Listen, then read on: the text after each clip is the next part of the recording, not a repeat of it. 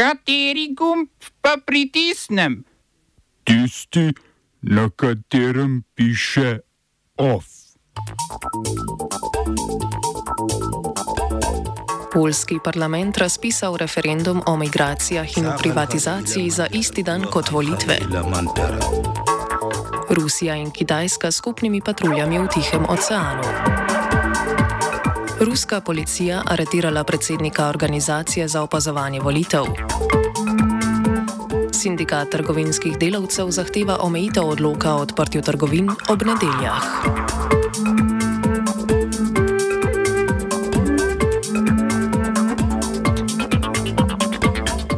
Ruska policija je aretirala Grigorija Melkonjanca, direktorja neodvisne organizacije za opazovanje volitev Golos.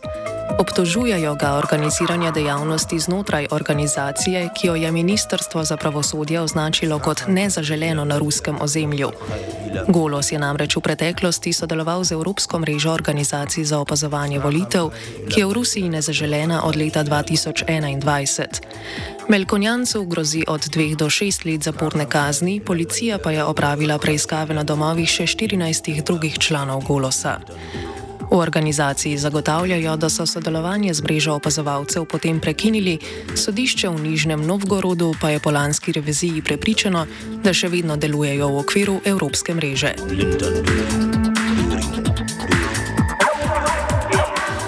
Polski parlament je razpisal referendum o priseljevanju, dvigu pokojninske starosti, odstranitvi ograje na beloruski meji in privatizaciji državnih podjetij.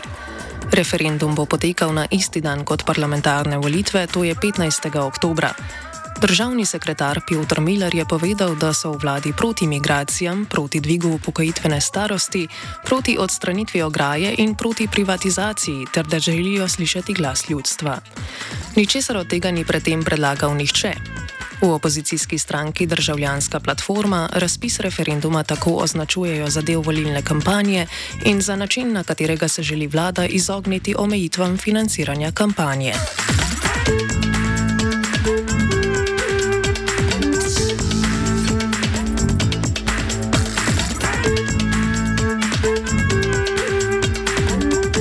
Kontekst.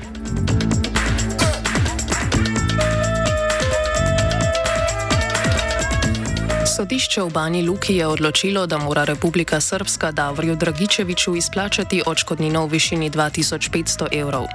Dragičevič je Republiko Srpsko tožil zaradi diskriminacije in represije, ki jo je, kot navaja, doživel potem, ko je začel z iskanjem resnice glede smrti sina Davida Dragičeviča, ki so ga neznanci umorili marca 2018. Truplo 21-letnega Davida so teden dni po izginotju našli ob sotočju rek Crkvena in Vrbas v središču Banje Luke. Ministrstvo za notranje zadeve Republike Srpske je dan po najdbi zaključilo, da gre za samomor, to da obdukcija je pokazala sledove mučanja in pretepanja. Tožilstvo Republike Srpske je mesec dni pozneje začelo preiskavo umora, ki pa do danes ni zaključena. Pravda za Davida.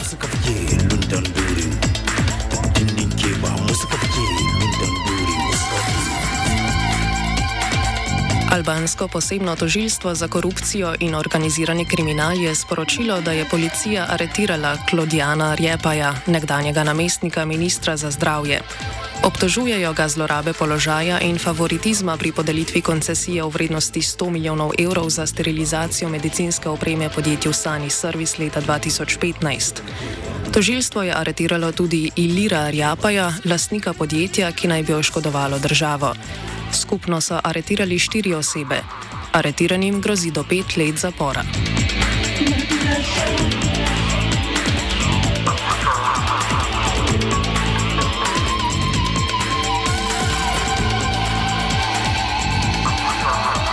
Rusko ministrstvo za obrambo je na družbenem omrežju Telegram sporočilo, da ruska in kitajska mornarica izvajata patrulje v Tihem oceanu, natančneje v vzhodno-kitajskem morju.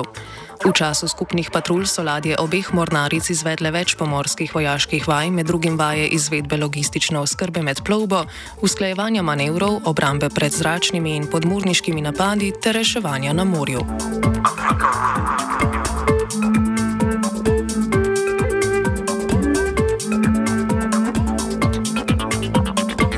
Makedonski parlament je začel desetdnevno razpravo o ustavnih spremembah, ki bi podelile več pravic etničnim in jezikovnim manjšinam, kar seveda najmočneje zadeva bolgarsko manjšino. Predlagane spremembe so del prizadevanj Makedonije za vstop v Evropsko unijo. Gre za kompromisno zahtevo Bolgarije, potem ko njena blokada vstopa Makedonije v unijo ni dobila podpore drugih držav članic.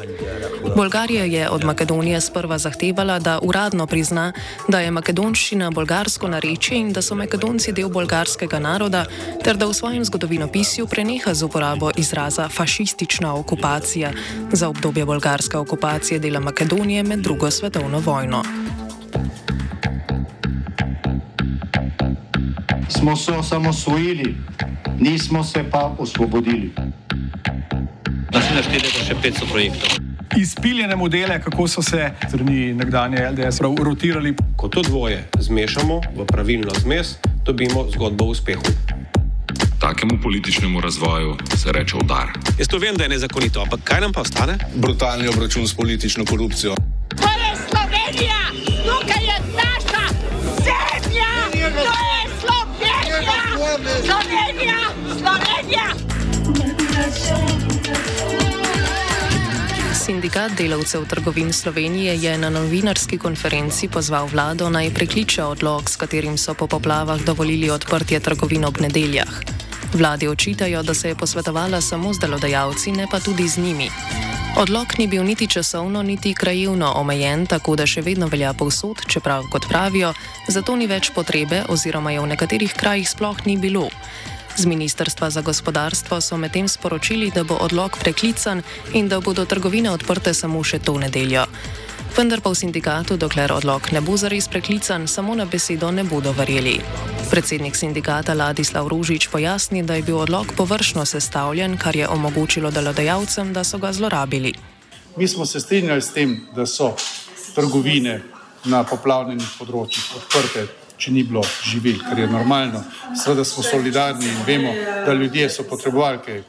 Ampak trgovci so to izkoristili in so odprli trgovine tudi tam, kjer ni bilo potrebno. Torej, ne vem, Baby Center v Novi Gorici in tako naprej. Uh, nekatere trgovine so bile kar odprte od 8 zjutraj do 8 zvečer, ne glede na to, da so bili tam zaposleni tudi ljudje, ki so imeli škodo zaradi teh katastrofalnih posledic. Ne.